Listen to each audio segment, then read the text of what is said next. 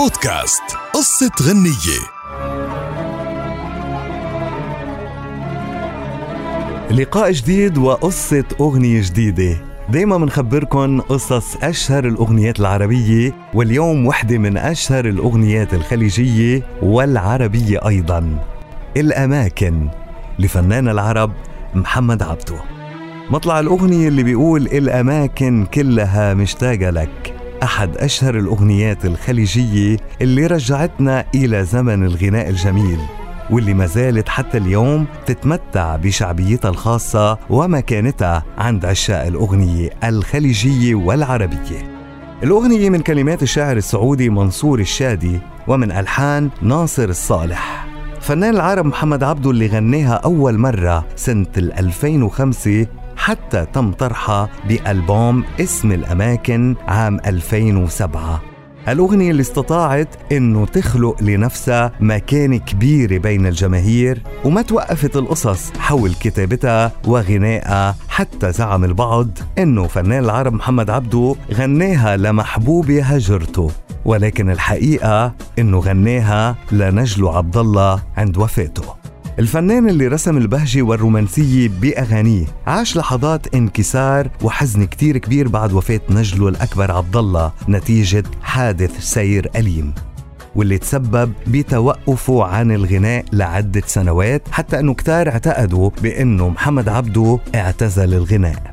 حتى قرر بعدها العودة للغناء من خلال أغنية الأماكن اللي غناها بافتتاح مهرجان جدة عام 2005 وهون لازم نقول بأنه الأغنية أساسا كانت للمطربة نوال الكويتية وغناها محمد عبده بحفل جدة قبل أن تدخل نوال الكويتية إلى الاستوديو لتسجيلها. بتقول نوال بأحد اللقاءات بأنها صدمت وقت اللي سمعت الأغنية بصوت محمد عبده ولكنها ما قدرت تاخد أي موقف. فهو فنان العرب وقالت إنها سعيدة بأن تكون هذه الأغنية هي سبب بعودة فنان العرب محمد عبده للغناء.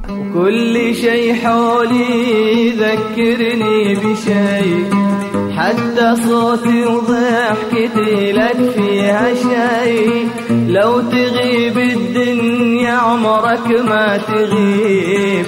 شوف حالي آه من تطري علي الأغنية اللي وجدت صداها بالوطن العربي ما توقع فنان العرب أن تكون سبب برسم البهجة رغم الحزن الكبير بكلماتها واللي حكى محمد عبده عن أحد المواقف اللي تعرض لها أثناء سفره حيث وجد أحد الركاب على الطائرة عم يشكره بشدة ويثني عليه ويقول له أنا ممنونك جدا جدا جدا لأنه أغنيتك كانت السبب بشفاء والدتي.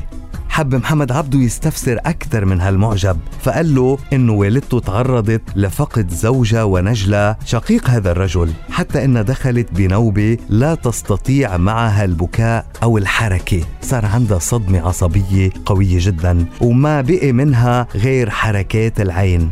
حتى سمعت أغنية الأماكن واللي خلتها تدخل بنوبة من البكاء حتى أنه الأطباء نصحوا بوقتها بتشغيل الأغنية لها بصفة مستمرة ليخلوها تبكي وتخرج من حالة الحزن اللي بتعيشها وتفريغ شحنات الألم والحزن المكبوتة. فكانت هذه الأغنية اللي قدمها محمد عبده أغنية للجماهير أغنية قادرة على أن تبعث بالسعادة بنفوس من يسمعها واستطاعت بأن تكون علاج لمن يلزمه علاج حتى بالأغنية والكلمة الحزينة. بودكاست قصة غنية.